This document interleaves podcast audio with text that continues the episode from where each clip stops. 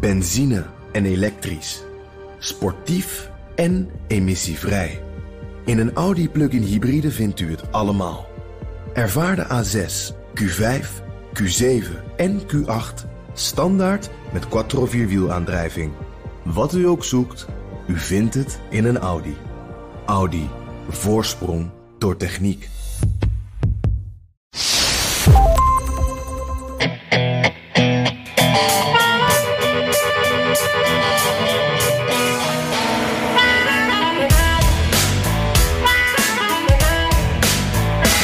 Ja, dat was dan toch het succes voor president Biden. Zijn infrastructuurplan ter waarde van 1000 miljard dollar is door het congres. A once in a generation investment that's going to create millions of jobs, modernize our infrastructure, our roads, our bridges, our broadband, a whole range of things. To turn the climate crisis into an opportunity. And it puts us on a path to win the economic competition of the 21st century that we face with China and other large countries. Ja, maar is daarmee ook de weg naar meer succes ingeslagen, hoort u? Ja, wij maken in ieder geval de balans op, een jaar na de verkiezingen. Dit is Amerika-podcast nummer 102. Mijn naam is Jan Posma, in de studio in Amsterdam. Kopje automatenkoffie erbij, voelt heel vertrouwd. Prima dit. Ja, ik ben Bernard Hammelburg in diezelfde studio... met ook zo'n bekertje automatenkoffie. Best goed hoor, trouwens. Ja, dat is echt lekker. Ja. Ja. Bijzonder moment, Jan. We kunnen elkaar weer eens aankijken. Ja, precies. Hoe, be- hoe bevalt het in Nederland? Ja, goed hoor. Echt heel goed. Dat meen ik echt. Want eh, nou ja, we hebben het er wel eens over gehad. Hè. Ik eh, mocht een tijdje niet meer hier naartoe komen. Tenminste, ik mocht wel naar Nederland, maar dan eh, konden we niet meer Amerika in.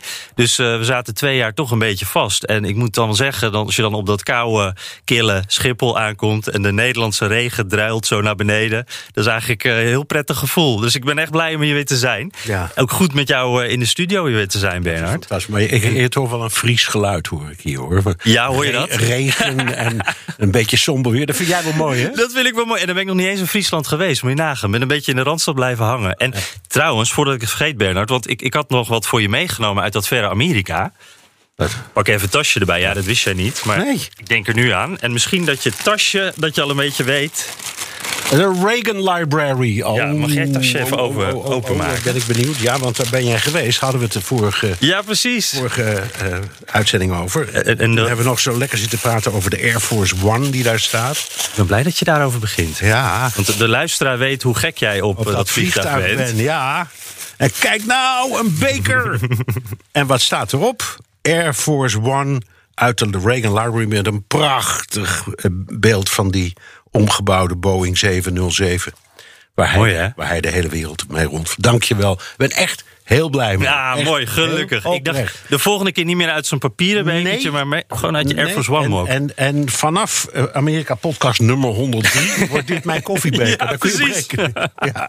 Mooi. Ja. Ja, nee, en het is, eh, nee, het is echt lekker om hier weer terug te zijn. Ik moet toch ook even zeggen, want we hebben het er altijd even over, ook als jij heen en weer reist, eh, van eh, nou, hoe gaat het nou met dat corona-gevoel? Hè? Wat, wat vind je nou als je terugkomt in Nederland, of als je terug in Amerika bent? En ik moet wel zeggen, Bernard, ik was hier natuurlijk vlak voor zaterdag kwam ik hier, op donderdag al. Dus toen liep hier even voordat die strengere maatregelen ingingen ook al wat Toen rond. had- zaten we nog midden in de anarchie, ik Ja, dus, zeggen. nou, zo voelde dat een beetje. Want ik, ik kwam natuurlijk uit Washington. En, en nou, jij in New York kent dat ook. Dat mensen toch met dat mondkapje oplopen. En dan kom je hier en, en je liep overal zo naar binnen. En er werd eigenlijk eh, ja, alsof er niks aan de hand was. En ik liep op zaterdagmiddag eh, door Utrecht, daar moest ik zijn. Eh, was het heel druk in de binnenstad. Ook iets wat ik al een tijdje niet meer op die manier gezien had. Die winkelstraten echt helemaal vol met mensen. En toen viel me ook... Nou, en, en je moet dan wel in die winkels een, een mondkapje op. Deed iedereen ook wel redelijk netjes. Maar toen viel mij ook op. Ik weet niet of jou dat wel eens is opgevallen... maar dat Nederlanders komen wat dichterbij je. Ja, maar het is een heel interessant onderwerp. En het heeft niets met corona te maken. Toen ik naar Amerika verhuisde, wat jij ook hebt gedaan. eh, toen gebeurde er iets waar ik heel snel aan ben gewend, maar wat ik me pas later bewust ben geworden. Amerika doen ook in de drukte, Amerikanen in de drukte, hun uiterste best om elkaar niet aan te raken. Ja, ja, zouden om afstand. om elkaar heen te lopen. Om, om, eh, dat is een soort van ingebouwd respect. Wat je in het Verre Oosten ook heel veel tegenkomt. In Aziatische landen. Amerikanen hebben dat ook. Eh, en die vinden het ook aange- onaangenaam als ze worden aangeraakt. Dus als je bijvoorbeeld, nou dat weet je ook, als je in de metro gaat. Ja, dan is het heel druk. En ook daar zie je mensen alle mogelijke Ja. wonderlijke bewegingen Zo'n maken. twister om niet elkaar aan te Om raken. niet elkaar Ja. aan te raken. En Ja. dat zit dus ook in de volksaard. Dus de Amerikanen hadden dat al een beetje. En door corona is dat natuurlijk al verscherpt. Ja. Maar ze hadden er bij wijze van spreken, voor hun was het een veel minder grote stap. Ja, en ik weet nog dat to- toen wij net eh, eh, weer in Amerika zaten, dat ik toen ook weer eventjes moest wennen. Dat heb ik elke keer als ik in Amerika kom. Het excuse me en voorzichtig. En dan gaan ze nog met de meter om je heen. Dan denk je van, nou, daar hoef je niks voor te zeggen. Inmiddels merk ik dat dat dus voor mij normaal is geworden. Excuse me. En hier, eh, iedereen, ja, dat- dat gaat toch op de vierkante millimeter loopt iedereen langs. En met corona is dat toch ineens een best wel gek gevoel. En, en, en het is nu iets minder, maar normaal ook. In een menigte botsen mensen ook voortdurend tegen je op. Mm, ja, ja, ja. Dat is in ja, ja. Nederland heel gewoon. Dat vinden we ook niet erg. En dat, dat is nou helemaal zo. Maar het is een interessante observatie. Ook gewoon over ja, hoe die volkeren toch een beetje van elkaar verschillen. We zijn dan wel neven en nichten. Maar bij dit soort dingen zijn we dan toch weer anders. Ja, precies, precies. Hey, en ehm, ja, ik, ik, eh, we zaten vrijdag eh, samen in de Friday Move, hè? eh, BNR-programma. was heel erg leuk. Het was volgens mij voor het eerst dat wij in een programma buiten BNR de wereld zaten met z'n tweeën. Dat is waar. Ja. Denk ik. Nou, in ieder geval, dat was. Nou ja, en we hebben natuurlijk in, in New York wel een paar keer samen Ja. de podcast opgenomen. En we hebben de verkiezingsuitzending gedaan. Ja.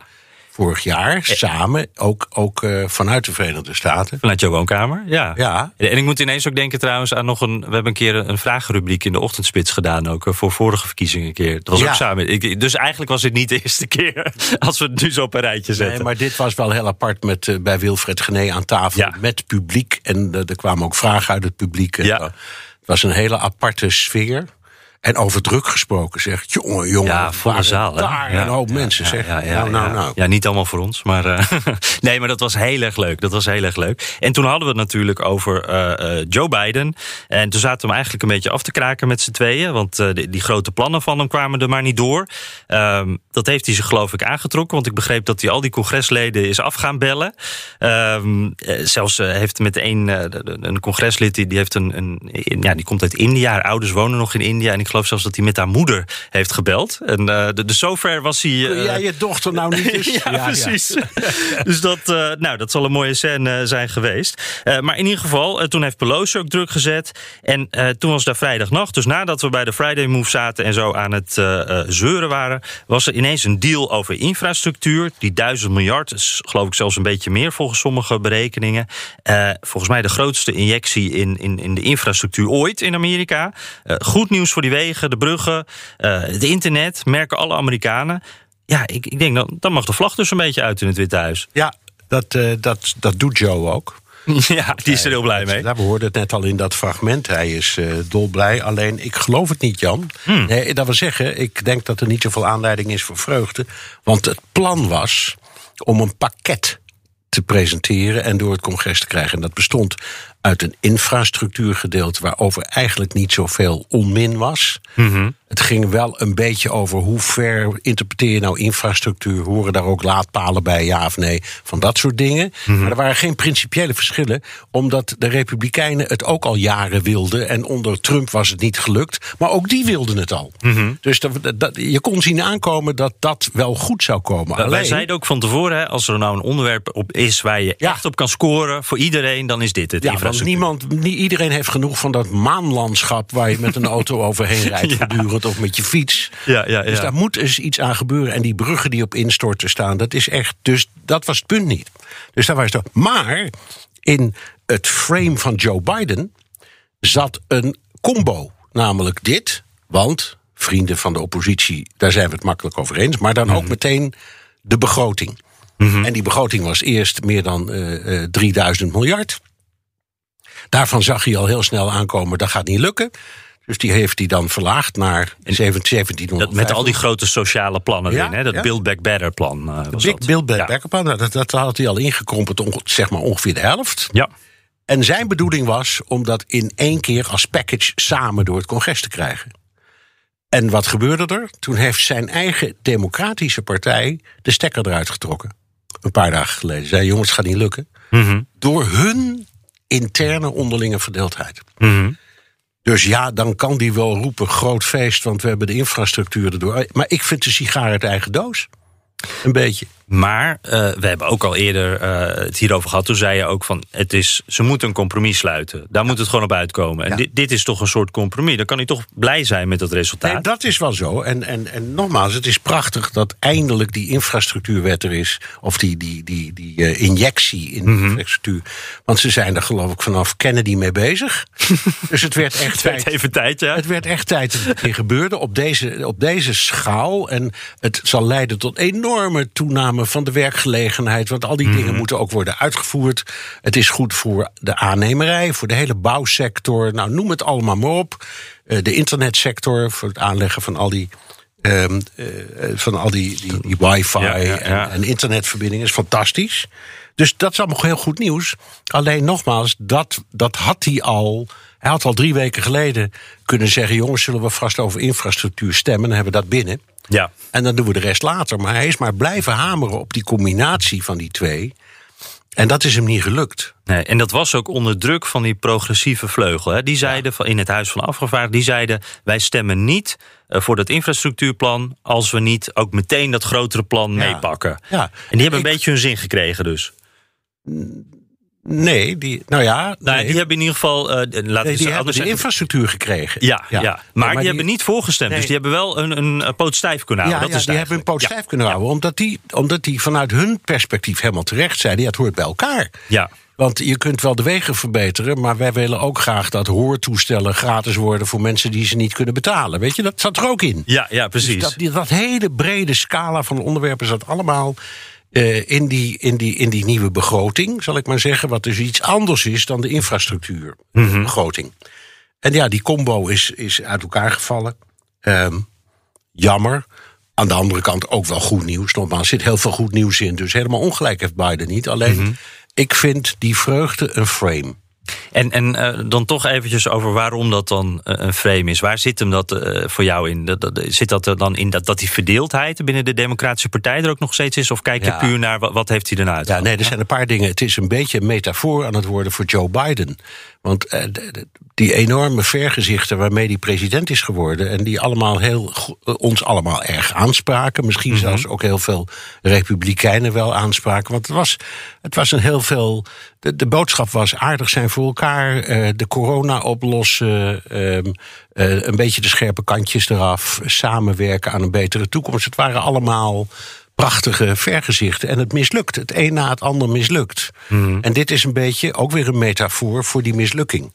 Want die, dat hij dat, die, dat, dat, dat enorme grote begrotingsplan heeft moeten laten vallen, al heeft zelf heeft moeten halveren, is een enorme eh, afgang. En het legt heel erg goed bloot opnieuw dat de vijand niet de Republikeinse Partij is, maar zijn eigen Democratische Partij. Want daar heb je een rechter en een linkerflank. En die, die, die kunnen niet eens worden. Nee. Het is ook opmerkelijk dat ehm, de, de middenflank van de partij de stekker er even heeft uitgetrokken hè, uit die begroting. Ja, niet, we- niet, niet, niet die oppositie, niet die, Ja, niet, niet- precies. niet Ja, die ja. zijflanken. Die zeiden: jongens, dit gaat niet lukken. Mhm.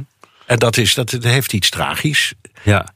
En, Ja, en, en- en vooral ook omdat voor beide kanten is wel wat te zeggen. Hè? ja. Je kunt moeilijk niet sympathiseren met die eh, ideeën van de linkervleugel. Die zegt, ja, het onderwijs moet, eh, zeker voor armen, moet gratis. Het, Mhm. het universitair onderwijs moet ook een beetje normaal. Medicijnen moeten goedkoper worden. Ja. En allemaal dingen waarvan je denkt, nou, dat is eigenlijk hartstikke sympathiek. Waar wij als Nederlander ook Ja. van denken... nou, dat, dat is eigenlijk best normaal en om dan dat te doen. En, en dan, dan kan de rechterkant dat wel socialistisch en weet ik wat allemaal noemen. Maar eigenlijk zijn het dingen waar je als Nederlander van denkt, nou, Ja. dat, is, dat is best sympathiek. Hadden jullie dat nog niet dan? Ja, aan de andere kant kun je ook begrip opbrengen voor de, voor de rechterflank. Bijvoorbeeld, daar hebben we het al vaak over gehad. Die, die senator Manchin, die uit West Virginia, die, die, die een kolenstaat vertegenwoordigt en in het zadel is gehesen door ehm, de vakbond voor mijnwerkers. Die de plicht heeft om op te komen voor zijn eh, kiezers. Mhm. Dat begrijpen we ook. En die staat heeft het heel moeilijk. En als iemand dan roept: ja, we gaan 555 miljard dollar steken in klimaatverandering. En dat betekent ook de sluiting van alle mijnen in West Virginia. Ja, dan krijg je protest. Dus ook voor de rechterkant van die partij. Los van wat je er allemaal van vindt, kun, ik kan daar best sympathie voor op. Ik begrijp het alle, van allebei de kanten. Ja, iedereen heeft zo zijn belangen. En dan Ja. is het aan beiden om dat dus in goede wegen te En leiden. dat is waar die faalt. Ja, ja. Want dat is de kracht van een leider. Dat je zegt, ik snap dat, ook op deze manier. Ik, ik sympathiseer met jullie. eh, kom net zo lang bij mij in de ovale kamer zitten. totdat we het uitgepraat hebben. Want jullie hebben allebei punten. En ik vind ook dat jullie allebei gelijk hebben. Mhm. Maar ja, je- we moeten door. En, en, en in een democratie is politiek compromissen sluiten. Mhm. Dat heeft hij veel te weinig gedaan. Ja, en, anders had hij moeten zeggen, anders bel ik je moeder. Dat, eh, Anders bel ik je ja, moeder, wat heeft hij dus met die enige... Dat wist ik helemaal niet, dit Nee. Hey, en, en wat ik wel ook wel afvraag, want dan hebben we dus ook de, de volgende stap. Hè. D- dit plan is er dan. eh, maar nu wil hij dat, dat grotere, ambitieuzere plan, wil hij er ook nog door hebben natuurlijk. Eh, jij noemt Joe Manchin al, Kirsten Sinema. Ja, die kunnen nu gewoon denken van... wij hebben ons infrastructuurplan. eh, wij hoeven ons nergens meer zorgen over te maken. Wij kunnen gewoon blijven dwars Toch hebben die nou meer invloed gekregen hierdoor? Eh, ja, die hebben meer invloed gekregen eh, hierdoor. Maar je kunt hetzelfde zeggen van de, van de linkerflank in het huis... die zaak heeft tegengaan. Want ook die heeft zijn punt kunnen maken. Ze hebben Ja, allebei die, die begroting geblokkeerd. Dus de, de problematiek om in schaaktermen te, te denken... is niet veranderd. Ze zitten nog steeds in een soort van padstelling... en ze moeten kijken hoe ze daar nog uitkomen... eh, samen binnen die partij. Want ja, over precies één jaar van nu zijn de midterms, de tussentijdse verkiezingen. En als ze dan niet vrede met elkaar hebben, nou dan. Ja, dat, dat, is, gewoon, dat is gewoon suicidaal voor die Ja, partij. precies. Dus ze moeten eruit komen. Dan zitten we eigenlijk ook meteen al op wat ook afgelopen week gebeurde. Want dat waren ook verkiezingen. Eh, die gouverneursverkiezingen in Virginia. Ook in New Jersey op allerlei plekken waren verkiezingen. Maar Virginia pikken we er even uit. Ehm, de democraat eh, McAuliffe, de zittende eh, gouverneur, die, die verloor daar. Een goede vriend van Joe Biden ook. Dus dat zal in het Witte Huis ook wel wat pijnlijk gevonden worden. Youngkin, de republikein, won. Ehm, was, denk je, die verkiezingen, dat, dat, dat was wel even een groot drama, in ieder geval in de Amerikaanse media, breed uitgemeten. Dit was het moment dat Joe Biden eventjes, eh, dit was een referendum over Joe Biden eigenlijk, langs de meetlat. Denk je dat dat ook misschien een beetje een wake-up call is geweest in, in deze onderhandelingen over die infrastructuur? Nee, want dan waren ze het eens geworden. Want dat kwam daarna, hè, het, het, Ja. het, het, het laten leeglopen van dat begrotingsdebat. Ja. Van het begrotingsbad. dat, dat, hebben de, dat hebben de Democraten gedaan na, die, eh, na dat verlies van McAuliffe in, in, in Virginia. Ja. Ze hadden dus nog een moment om te zeggen: dit is zo erg, we gaan kijken of we dat nog kunnen herstellen. Door, on- door één partij te, te zijn. Is niet gelukt. Maar mijn, ja, oké. maar mijn redenatie zou zijn dan: eh, het, het lukte maandenlang niet. Die verkiezingen zijn geweest. En daarna zijn er toch een paar progressieven geweest. die toch hiervoor hebben gestemd. Dus het is eigenlijk wel een beetje gelukt misschien. Nou ja, dat is ook misschien wat meer urgentie Misschien, geweest. misschien maar, maar de praktijk is, zijn twee dingen. In de eerste plaats, het verlies van die McAuliffe in, in Virginia is echt een, een- wel een ramp voor Mhm. de partij. Want het is niet zomaar iemand. Die is ook nog een tijdje voorzitter geweest Mhm. van het eh, Democratisch Nationale Comité. Dat is een echte partijbonds met een zeer goede naam. Mhm. Ehm, en dat die dan in een staat die ook een metafoor is voor wat Amerika is. Want Virginia hebben we vaak over gehad. Het noorden en het zuiden van Virginia, ja, dat is eigenlijk de vertegenwoordiging van die hele grote eh, eh, combinatie van 50 staten. Dat vind Ja, je allemaal ja, in Virginia. ja. Alle verdeeldheid vind je ook Ze in die die allemaal in staat. Virginia. En dat hij daar dus is een aanwijzing over hoe eh, de mensen denken. Mhm. En dat zul je ook hebben gezien. De, de kranten, eh, New York Times en andere kranten, ook, ook de, de rechtse media stonden vol met, met interviews met mensen die geswitcht zijn van partij en waarom. Mhm. En dat heeft dan allemaal te maken met vertrouwen in Biden. Het was Mhm. niet eens zozeer een, een keuze eh, voor de Democraten, voor de Republikeinen. Het was echt een, een, een stem tegen Biden. Ja. Hij valt tegen, dus jongens, we zien daar niks meer in. We vallen hem af. Dus dat, dat, dat, nou, dat is dus de ene kant. En de andere kant is die, die partij die bij elkaar zal moeten komen... willen ze nog een kansje maken. Ja, ja, ja. Heb jij eh, ook het gevoel. Want, eh, nou, wat ik heel grappig vond daar in Virginia was eh, dat de ene kant probeerde het een. en dat ging heel makkelijk, een referendum over Joe Biden te maken. Dat is eigenlijk heel logisch ook na een jaar van deze president, of bijna een jaar. De andere kant, de Democraten, probeerden het nog steeds over Trump te laten gaan. Nou, dat is niet echt gelukt volgens mij. Eh, is dat denk je ook een voorbode voor wat we volgend jaar gaan zien? En ook, nou, mijn gevoel hierbij was namelijk van wacht even, de democraten moeten nu ook bedenken, we kunnen niet meer alleen op Trump leunen. Dat gevoel van wij zijn niet Trump, wij zijn de andere kant, dat is volgens mij niet meer genoeg als Nee. het hier niet heeft gewerkt. Nee.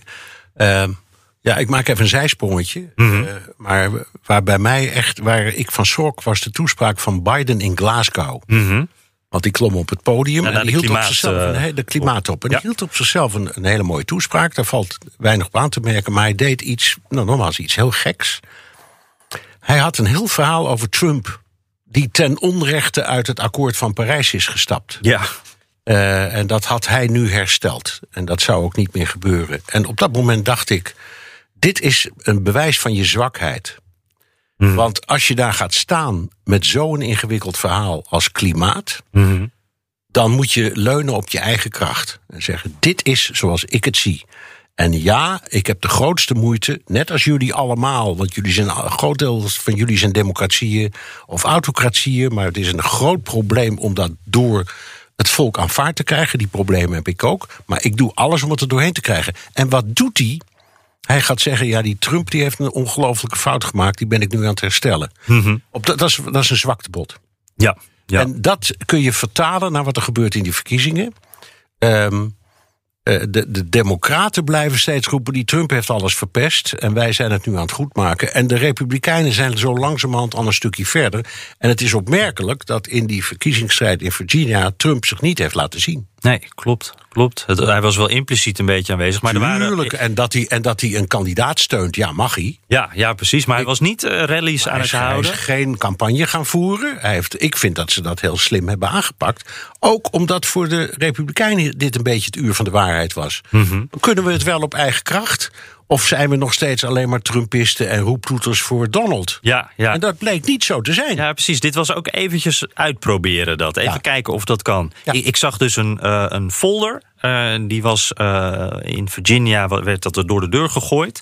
Dat was, eh, een, het zag eruit als gewoon een, een hele mooie folder op glad papier, weet je wel. Van Trump stond erop en die Youngkin, die republikeinse kandidaat, fully endorsed by Trump. Youngkin, vote, nou ja, dat, al die verhalen. Dat je denkt, nou, gewoon een folder van Youngkin.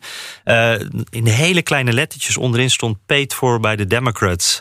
Dat was dus een democratische folder die bij democraten door de deur werd gegooid. Met Trump erop en Youngkin bij elkaar. Zo Ja. van, jongens, dit is waar je voor kiest als je voor die republikein kiest.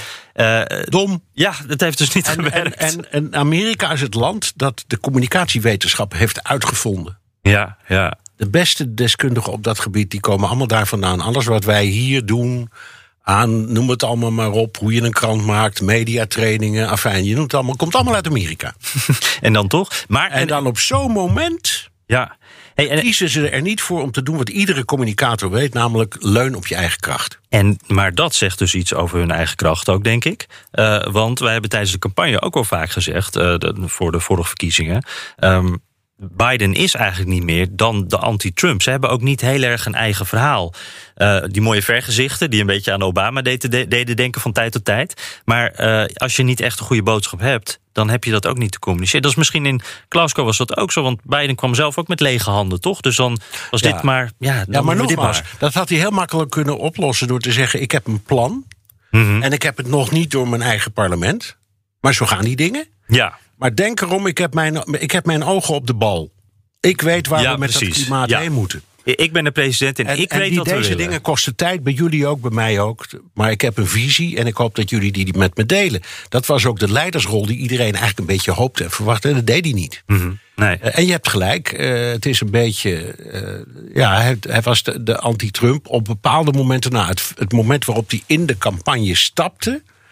Dat was wel heel duidelijk. Was ook anti-Trump, maar dat ging eh, om rassenrellen. Waarvan hij zei: daar zijn zulke vreselijke dingen gebeurd. Mhm. Tegen zwarte en Politiegeweld, George Floyd. geweld, antisemitisme. Ik, Mhm. ik moet nu eh, mee gaan doen aan die verkiezingen. Want die, die, eh, die ontwikkeling moet gestopt worden. Oh, ja, hij noemde toen. eh, ehm, Charlottesville volgens precies, dat noemde hij. Ja, ja, ja. ja. En, en dat, dat vond ik best een mooi thema. en dat, zei, ik moet mij gaan verweren tegen de partij die dit soort dingen la- toelaat. ja, precies. Dat is iets, toch was net iets anders dan anti-Trump. Ja, dat is waar. Dat is waar. Dus Ja, op dat ja. moment had hij nog wel een verhaal. En ik vond in de loop van de campagne heeft hij ook best mooie toespraken gehouden. Soms waren jij en ik, ik zal maar zeggen, blij verrast. Maar ook daar zat ook bij jou en mij altijd iets van... nou, dat valt eigenlijk wel mee. Ja, precies. Ja, maar dat- nooit iets Nee. van, jeetje, wat staat daar een persoonlijkheid zeg. Ja, ja. Ja, dat is duidelijk de leider van de wereld.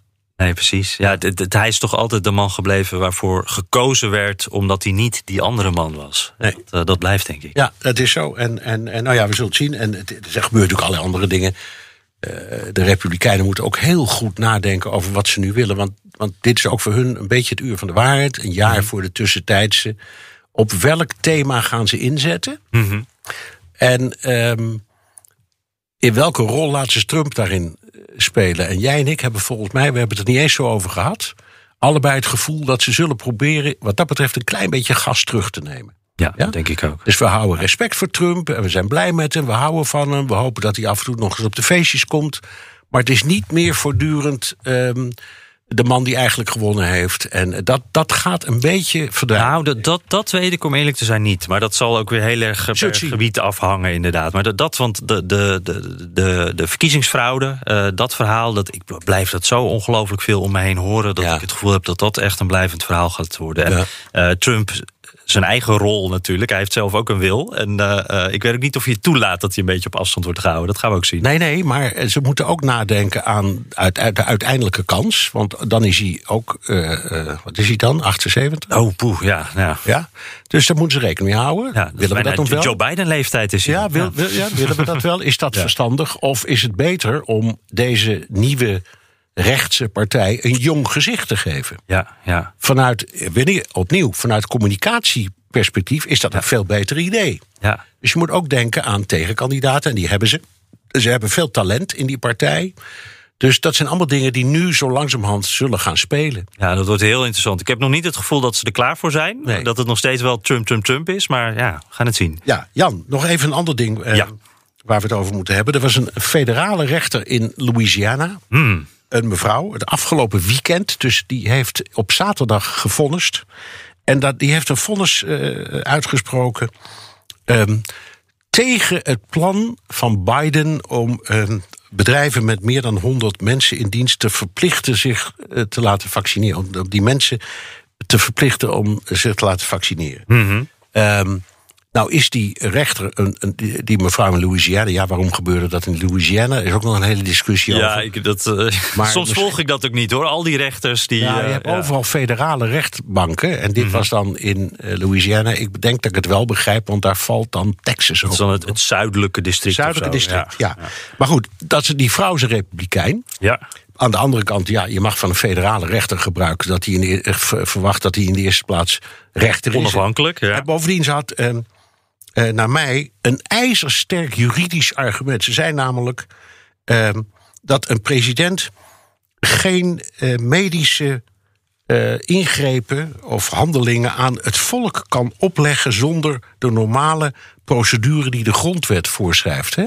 Dus ja, zoiets moet door het congres. ja. Of het moet op zijn minst een brede maatschappelijke discussie hebben. Eh, en dat heeft hij niet gedaan. Dus zij had iets van: ja, sorry, eh, de, de- hoe dit afloopt. Het was een tussenvonnis. Dus Mhm.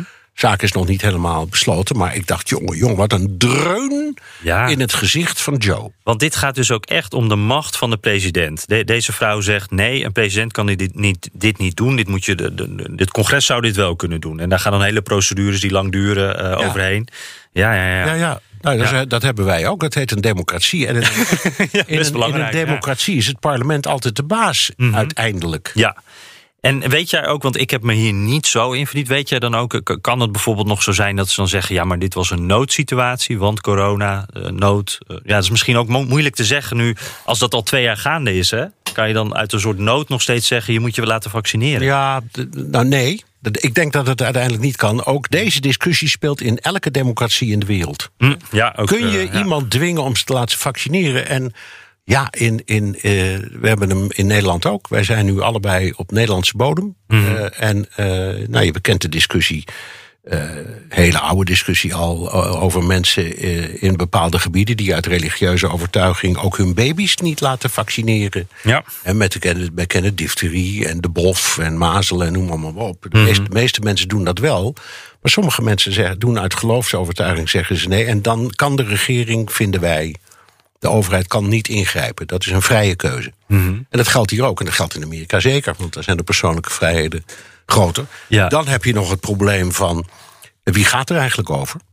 Want dit was een federaal besluit van uh, Joe Biden. Mhm. Maar gaat de federale regering nou over de alle 50 staten of niet? Ja, dan komen we ook weer bij zo'n zo'n zo'n kern van waar het in Amerika altijd Ja. om draait. Wie is de baas? Wie is de baas? Ja, ja. En in deze kwestie speelde dat ook enorm. Want eh, er zijn inmiddels hoeveel staten die. Eh, ja, Nou, ik, ik, eh, 20, Ja, 25, zo, 27, zoiets. staten Ja, die ja, al hebben geroepen: wacht even, vriend, daar gaan de gouverneurs over. Mhm.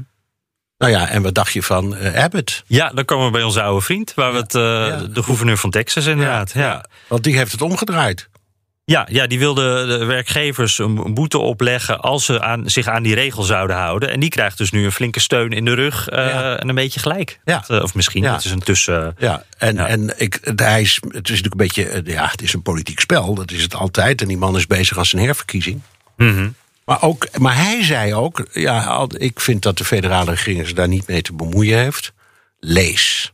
Dit is een republikeinse staat en wij zijn eigenlijk tegen eh, vaccins en zeker tegen een verplichting. Mhm. Maar goed, dat was de achtergrond die iedereen begreep, maar die die niet zo uitsprak. En hij zei, eh, en ik beslis als gouverneur dat wie zich door deze flauwekul gek laat maken, van mij een boete krijgt. Die draaide het om. Mhm. Ja. Ja, die heeft nu gewonnen. Ja, Althans, voorlopig. Voorlopig, ja. ja. En dat is wel interessant hoor. Wat, wat je dan, want die, dit is dus een juridische strijd. En dit draait om de grondwet. En de juridische kaders waarin je dit kan doen. Allemaal superbelangrijk in een democratie. Tegelijkertijd zie je dan ook dat. Tenminste, dat denk ik dat gaat gebeuren. Heel veel mensen die dus twijfelen. eh, in speciaal, eh specially wilde ik zeggen. pre- Precies in die gebieden ook. Die zullen nu denken: van wacht eventjes. De rechter zegt nu dit. Ik heb me nog niet laten vaccineren. Ik had er al niet zoveel zin in. Volgens mij krijg ik nu gelijk, want de grondwet zegt het. En de grondwet is voor mijn gevoel, dat is ook bijna iets religieus in Amerika. En die voelen een enorme steun in de rug natuurlijk... om zich dus ook nog steeds niet te laten vaccineren. Dan. Ik denk dat dit echt wel gevolgen gaat hebben voor die groep die misschien... Ja, als je nu nog niet overtuigd bent, word je het misschien ook wel niet. Maar eh, voor die groep Ja, niet. nou ja, zoals overal waar dit. Kijk, overal in, de hele wereld zijn mensen die tegen het vaccin zijn, zich niet willen laten vaccineren, om wat Mhm. voor reden dan ook. En overal zoeken, we, zoeken ze middelen, overheden zoeken middelen om die mensen daar dan toe, toch toe te bewegen. Ja, ja. En zo langzamerhand is dat niet meer een strijd voor groepen, maar voor individuen. Mhm. Iedereen die je over de streep trekt, denk zeggen ze dan, is dan meegenomen. Ja, Al zijn het er maar twee in de straat, dat is meer dan niets. Mhm. En in dat stadium begint het nu te raken. En dan heb jij gelijk, dan zullen die twee mensen in Houston, in Texas misschien zeggen, nou dan doen we het maar niet. Nee, precies. Precies. Want, Dus, want onze ja. gouverneur heeft gewoon gelijk gekregen. Ja, ja, ja. Ja, de strijd is nog niet over. Hè. Er, komt, er komen nog meer vonnissen over. En, en je zou mogen denken en hopen dat het misschien bij het Hoge Rechtshof terechtkomt. Maar ik denk zelf dat Biden zwak, zwak staat. Dat de federale overheid dat inderdaad niet kan verplichten aan werkgevers. En dat dan nog eventjes hoor, want dat vind ik dan wel gek. Je, hij heeft ook een juridisch team, Biden. Denk je, heeft hij dit geweten, maar ik moet toch gewoon wat doen, dus we proberen het gewoon? Een beetje van, we gooien wat en wat blijft hangen, blijft hangen? Nou. Of, of is dit een beetje een blunder dan? Want Nee, geen, ik denk, je denkt toch vooruit als nou, je laten president we nou een beetje positief zijn. Ik denk dat dat ook goede wil was. Hij is enorm overtuigd van de noodzaak van vaccinatie.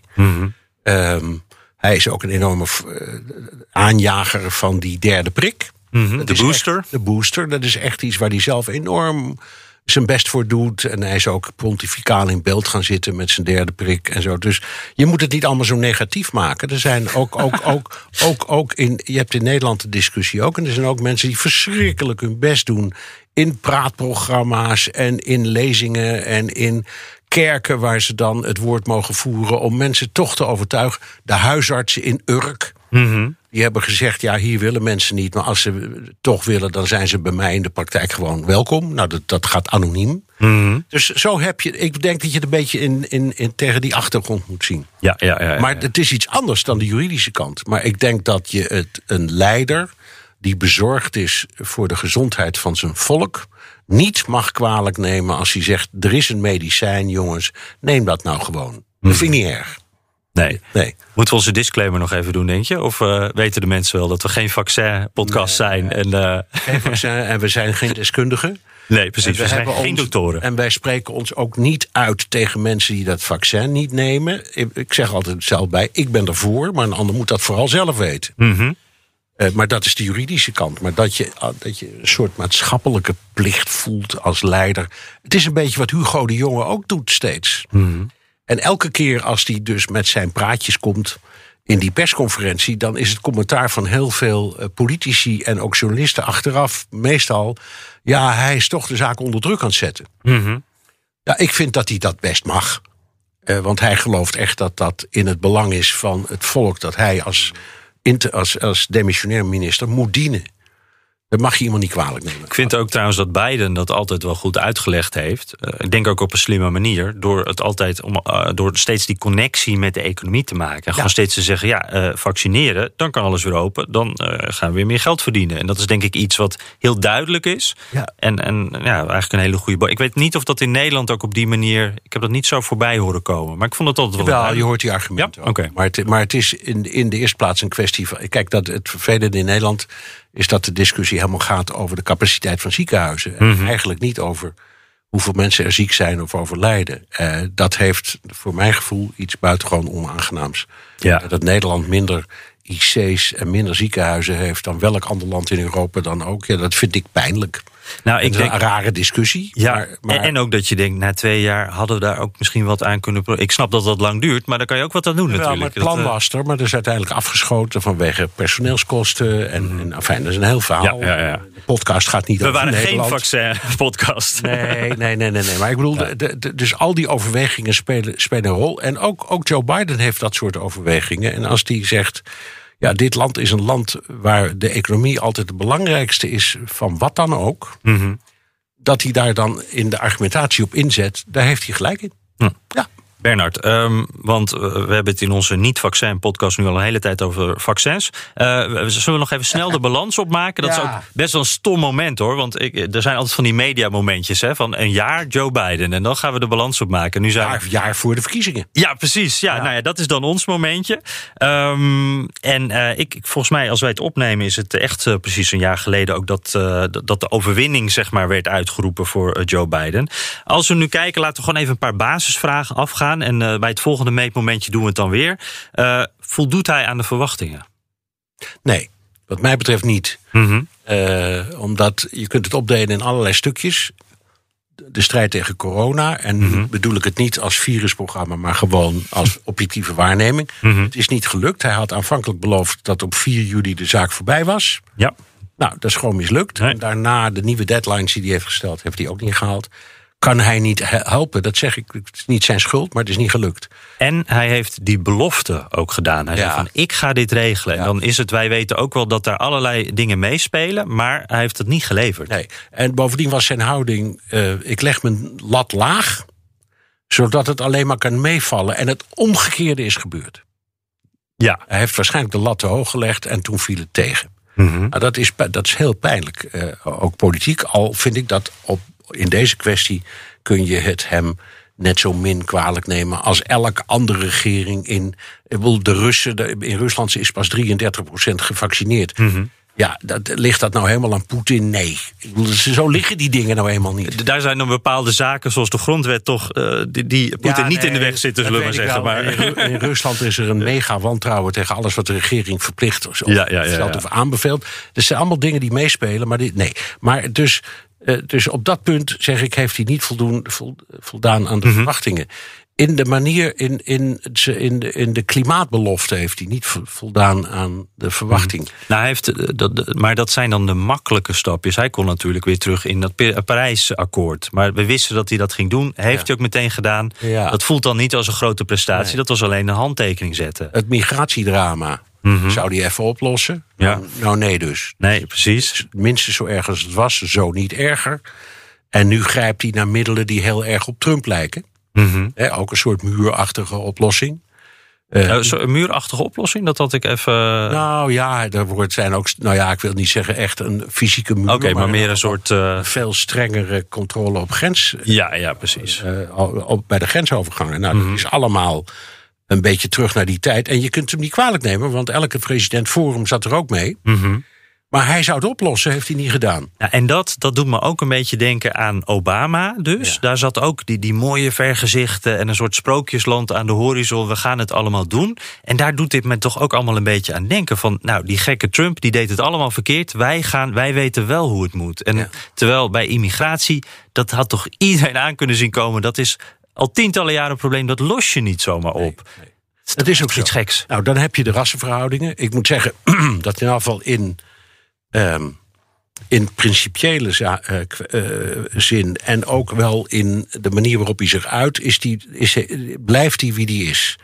Hij kan zich verschrikkelijk ergeren aan racisme. En hij eh, geeft, doet, steunt ook voortdurend ongeveer iedere denkbare groep die daar zich tegen verzet en opkomt voor rechtvaardigheid. Ehm, of het echt helpt, dat weet ik niet. Maar in afval is het beter dan iemand die het badineert zoals Trump deed. Dus Ja. wat dat betreft vind ik het, dat moet je ook erbij zeggen. Maar al met al, ik sla misschien dingen over hoor. Maar, nou, ik, volgens mij hebben we de grote punten wel. maar, maar, maar al met al denk ik nee, het is een tegenvaller. Ja, ja en ik, en, en, nou ja, Afghanistan Ja. was denk ik ook nog in dat rijtje. Ja, hoewel, daarvan kun je zeggen... Obama en Trump en Biden wilden alle drie hetzelfde... namelijk weg uit Afghanistan. Ja. Obama is het helemaal niet gelukt. Trump voor een stukje. En Biden is de verkiezingen ingegaan met de belofte... dat hij het echt zou doen. Ja. En op het moment dat je het echt doet, is het altijd het verkeerde moment. Dus hij heeft wat te wild die schakelaar omgezet. Hij had dat beter moeten overleggen. Het is hem enorm kwalijk genomen. En ook wel terecht, toch? Want ik bedoel, die, die pijn die moesten ze nemen. Het zou sowieso vervelend worden, maar op deze manier, dat, dat Het was, kan hem het was een drama. Mhm. Eh, maar hij had het wel beloofd. Dus hij heeft wat dat betreft zijn belofte ingelost. En ik denk dat de gemiddelde Amerikaan, de gewone gemiddelde Amerikaan, zegt: Nou, ik ben blij dat we daar vanaf zijn. Ja, ja. Want wat dat kostte en wat dat ons allemaal aan een slechte naam heeft opgeleverd, daar koop je niks voor. Ja. Dus dat moet je ook niet vergeten hoor. Ik moet, electoraal zou dat best nog eens mee kunnen vallen. Maar politiek was het een blamage. Hey, en ehm, ja, ik, ik wil er nog even aan, aan toevoegen aan dit alles. Ehm, ik noemde dat net al een beetje. Van die Biden is natuurlijk binnengekomen als de man, de anti-Trump. En ik denk dat hij dat, eh, dat hij daar juist op Afghanistan, immigratie, dat dat de twee punten zijn waarbij mensen dachten van wacht even, we zouden toch van die chaos af zijn. Jij zou het wel, jij hebt al die ervaring, jij weet precies ook nog, jij weet precies hoe het werkt, eh, hoe de hazen lopen in het congres. Hoe kan het nou dat je dat dan toch niet regelt? En tegelijkertijd kan je bij alles zeggen: ja, maar dat zijn ook hele grote problemen. Los je niet zomaar op. Dat kan niet zonder kleerscheuren bijna. Maar toch heeft hij daar niet aan de verwachting voldaan. Nee, en hij heeft ook, vind ik, ehm, laten we zeggen, ook weer communicatiefouten gemaakt. toen dat drama in Afghanistan zich afspeelde. En, en hij onzichtbaar was. En hij onzichtbaar was. En uiteindelijk hebben ze dan geprobeerd om het op te lossen. Dus die noodsituatie heeft maar een hele korte periode geduurd. En daarna kwam er langzaam weer zicht op eh, wat meer. Nou ja, ik zeg in afval heeft hij er heel veel mensen uit weg weten te halen. Maar hij is blijven vasthouden aan dat frame van ik had het beloofd en het komt nooit goed uit. Ja. Dat had hij niet moeten doen. Hij had moeten zeggen: Ik heb het beloofd en gedaan, maar ik, ik heb het niet handig gedaan. En eh, ik had beter ook moeten overleggen met de bondgenoten. Want dit ging, dit ging ook over Nederland. Ja, die, die daar ook zitten Die door Amerika. allemaal- ja, die waren allemaal, zijn allemaal geslachtofferd. En de crisis die hier is ontstaan in ons eigen parlement... Mhm. over de afwikkeling van Afghanistan en die tolken en gaan ze allemaal door... is mede het gevolg van deze rare beslissing van Joe Biden. Ja. Dat heeft hij ernstig onderschat. Ging niet alleen over Amerika. Mhm. Ging over een heleboel trouwe bondgenoten. En juist daarover zei Biden ook: wij zijn weer terug op het wereldtoneel. Je kan weer op Nou, ons niet- rekenen. Niet dus. Nee, precies. Hey, is dat, ik, ik zie dat als zijn grootste mislukking, Afghanistan. Wat zie jij als zijn grootste mislukking? Ehm jeetje. Misschien ja, ook wel Afghanistan, ben ik met je eens. Om de, in ieder geval politiek. Mhm. Ehm, dat, dat was echt een, dat was een onvoorstelbare blamage. Ook inter, omdat het niet alleen lokaal, maar internationaal was. En Ja. dat, dat maakt het zo erg. En, en ook juist met een binnenlandse impact door die beelden. Daar hebben we het al veel over gehad. Maar ik voelde echt wel, als je daar met eh, veteranen, maar ook met gewone Amerikanen over praat, hoe de Amerikaanse trots daar gekrenkt is. Ja. Die zichzelf nog steeds zien als Ja, het land dat de Tweede Wereldoorlog heeft Nou gewonnen. en nu dit. En, en Vietnam heeft verloren. Want dit was een identiek aan hoe Vietnam is afgelopen. Dus dat was, heet in de psychologie een herhalingstrauma. Nou, dat heb je in volle omvang gezien. eh, in Amerika. Maar ik vind eerlijk gezegd ook de migratiecrisis wel heel ernstig. Hm, ja. Ehm, Ja. Gewoon omdat dat om zoveel mensen gaat. Het zijn mensen, Jan.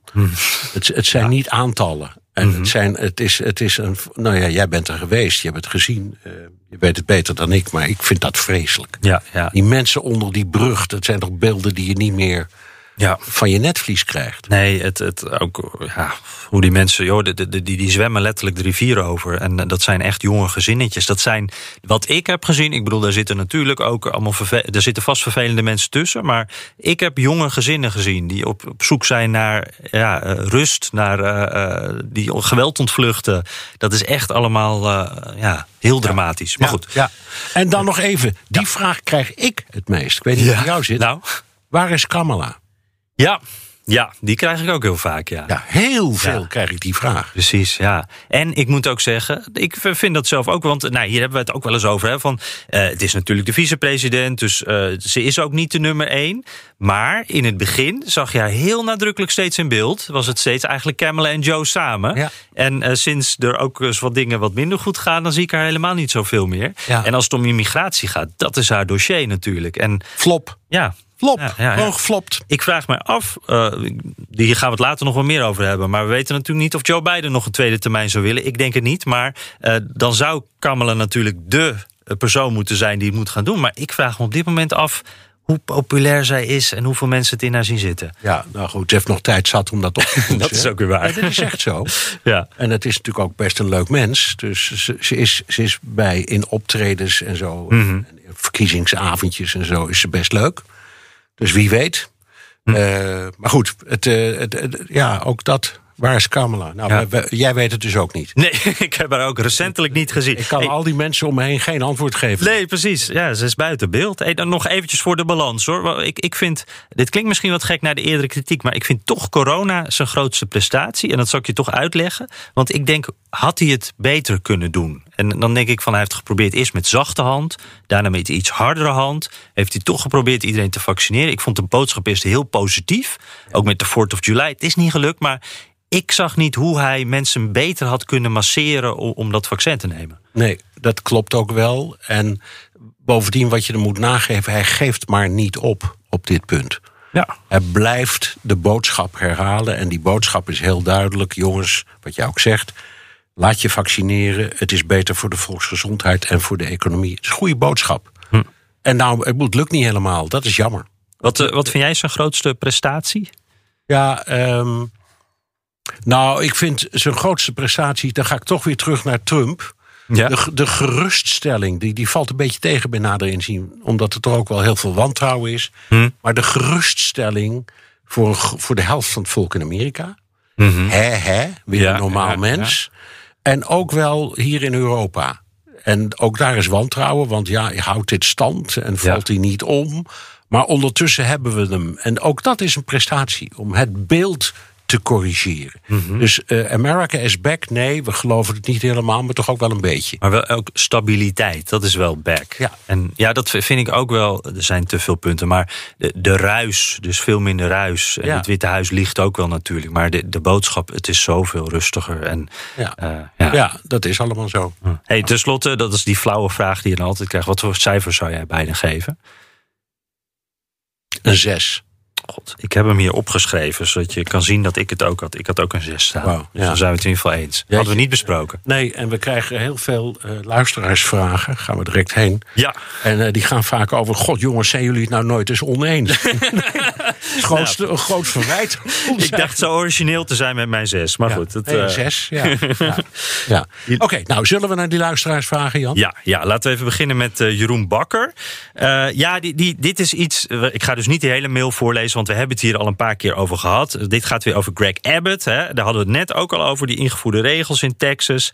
En eh, hij betwijfelt onze analyse, want hij zegt: de- die, Abbott daarmee. eh, ja, met, die regel wordt de keuzevrijheid van individu, individu beschermd tegen, tegen de in de ogen van veel conservatieve onnodige maatregelen van werkgevers.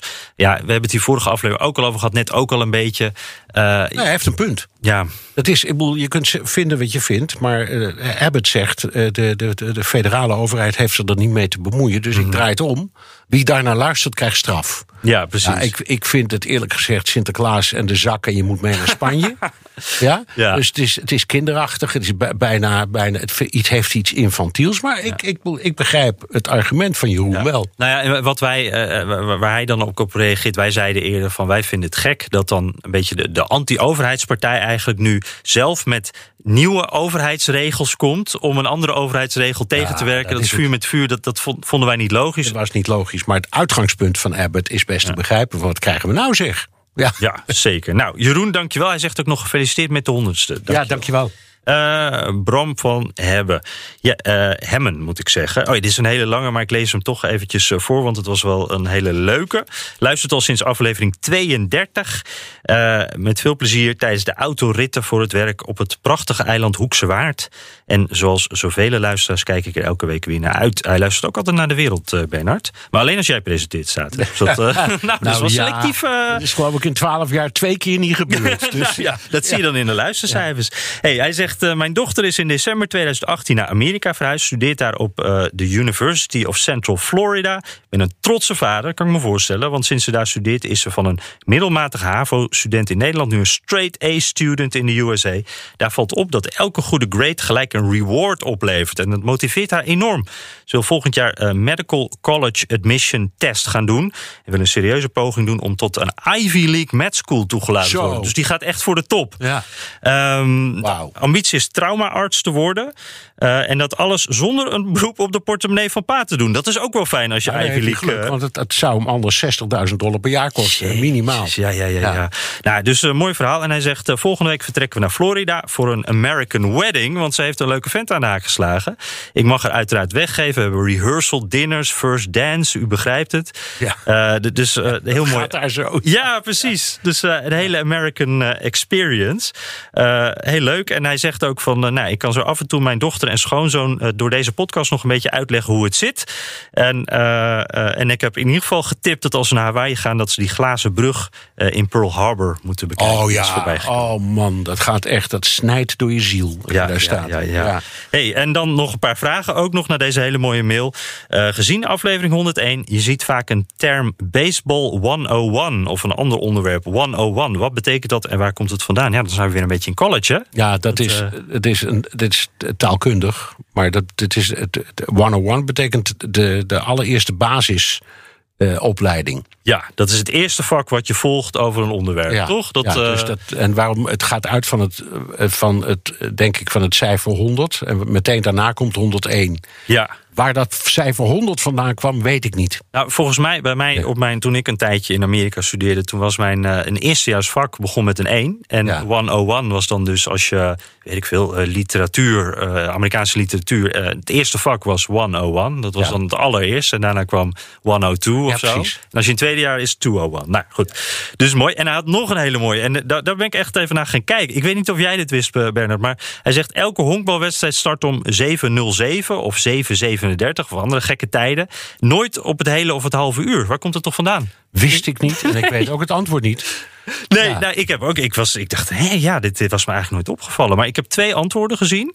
eh, die ik allebei wel, eh, ja, wel mooi vond. De eerste was: eh, ze moeten wel, want ze gaan om half beginnen. En dan moeten ze nog dat volkslied doen. En dan moet de, de sponsor nog genoemd worden. En die veteranen moeten nog een rondje lopen door het stadion. Dat vond ik er mooie. En die andere, en ik denk dat dat hem eigenlijk is, was: dan kunnen ze nog net even wat meer reclame ervoor stoppen. En dat is weer goed voor de, de De uitzending Ja. op de televisie natuurlijk. Precies.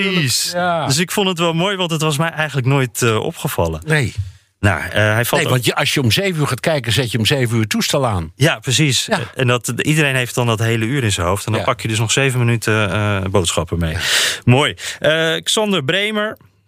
Even kijken hoor. Eh, ik heb hierbij een tip en een vraag. In de laatste eh, podcast vertelden jullie eh, vol passie over de Air Force One. En dat er nog een toestel in een museum stond in Dayton, Ohio. Ja, dat vertelde jij, Bernard. Dat is het National. Nou ja, daar stond. De, de, kijk, de, de- die, die mooie beker die hij mij heeft gegeven. Daar staat eigenlijk het tweede toestel van die serie op. En het eerste staat in Dayton. Ja, oh, Ja. dat is de eerste. Oké. Ja, ja. ja. de eerste van een serie van twee. Die allebei Ja. Air Force One heten. Ja, ja, ja. Nou, hij zegt eh, daar in Dayton, eh, daar tipt hij, eh, daar staan bijna alle militaire vliegtuigen die ooit Air Force One waren. Gigantisch museum.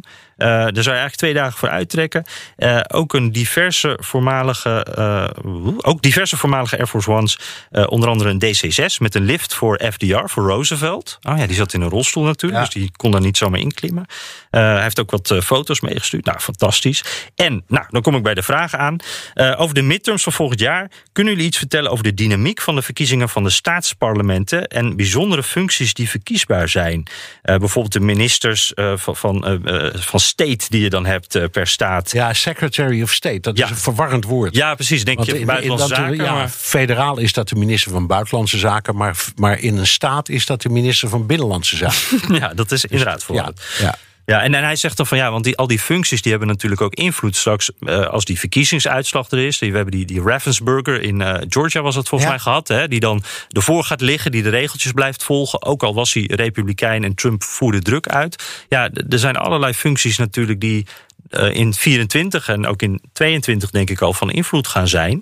Ehm, ja, moeten we daar misschien eens eh, een maar verkiezingsuitzending van kunt- maken? Ja, maar je kunt, oké, hier weer heel snel Ja? het goed vergelijken met provinciale staten in Nederland.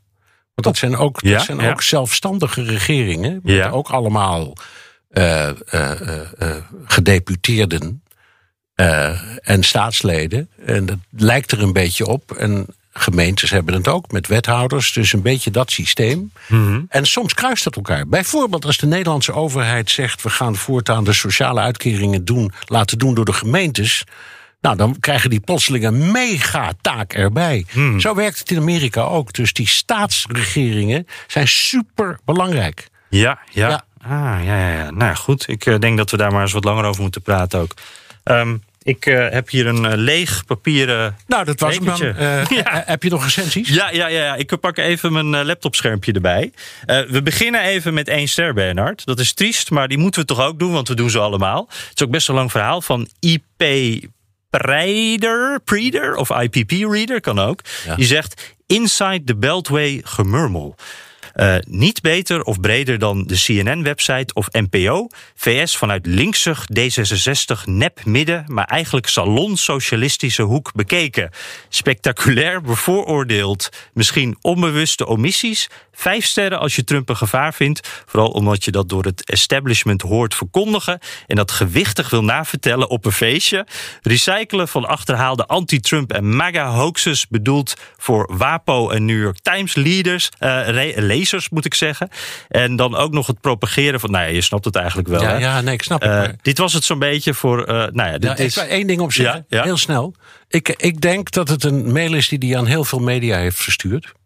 Ja, ja. En ik, ik stel vast dat dit voor ons gewoon niet geldt. Want zo zijn wij niet. Zo zijn we niet. Nee. IP Prieder. Nee, dus- nee, of om een flauwe politieke uitdrukking te gebruiken. Wij herkennen ons hier niet in. Nee, en we, we, we treuren de ontstaande ophef, toch? Ja, eh, zo is dat. Nou, en, Ja. en IPP-reader, eh, maak het wat eh, eh, concreter. Stuur ons even een mailtje. Ik ben echt wel benieuwd. Wat, wat vind je dan? Waar gaan wij dan zo over de schreef? Ja. Want dan, dan gaan we er graag op in. Nog even een goede, een, een vrolijke dan. Eh Bert de Balker, die hebben we al eens eerder gehad. Die geeft gelukkig vijf sterren, super podcast. Ik verheug me steeds op de nieuwe podcast, vaak als ik al in bed lig. Dit is nu met eh, 56 afle de 56e aflevering die ik luister. Hoop dat jullie nog lang door eh, blijven gaan. Ik ben zelf in Texas geboren, maar woon in Nederland. En hij zegt, daar kennen we hem van. In de vorige recensie zei ik per ongeluk dood blijven gaan. Maar dat moest door blijven gaan, zei. Dat wenste hij ons toen toe. Dus eh, dankjewel Bert. Oké, terugluisteren kan via de BNR-site, Apple Podcasts of Spotify. Heb je vragen, opmerkingen, kritiek of complimenten... dan kan het ook met een tweet naar Jan Posma USA of BNR De Wereld... of heel ouderwets met een mailtje naar dewereld.bnr.nl. Ja, het was weer goed om even samen in de studio te zijn. eh, Heerlijk, Bernard. dank Was voor deze leuk. fantastische Air Force One beker uit... eh, de Reagan Library. Ja, ja, ja. Nou, ik, ik eh, wil graag de volgende keer de foto zien van de koffie of, of de, de, de cola erin. Ehm, we You gaan got it, man. Ja, we gaan nog even kijken wat we volgende week precies gaan doen. Want ik heb een beetje een ingewikkeld Nederlands schema. Dus misschien eh, dat wij het samen doen. En ik vanuit eh, het Hoge Noorden en jij vanuit Amsterdam. Misschien dat we David ook nog wel even terug horen. Maar da- daar gaan wij nog eventjes over broeden. Maar dit was in ieder geval weer eentje lekker in de studio. Voelde vertrouwd hoor. Lekker, gezellig. Hopelijk tot volgende week. Wat gauw, Jan.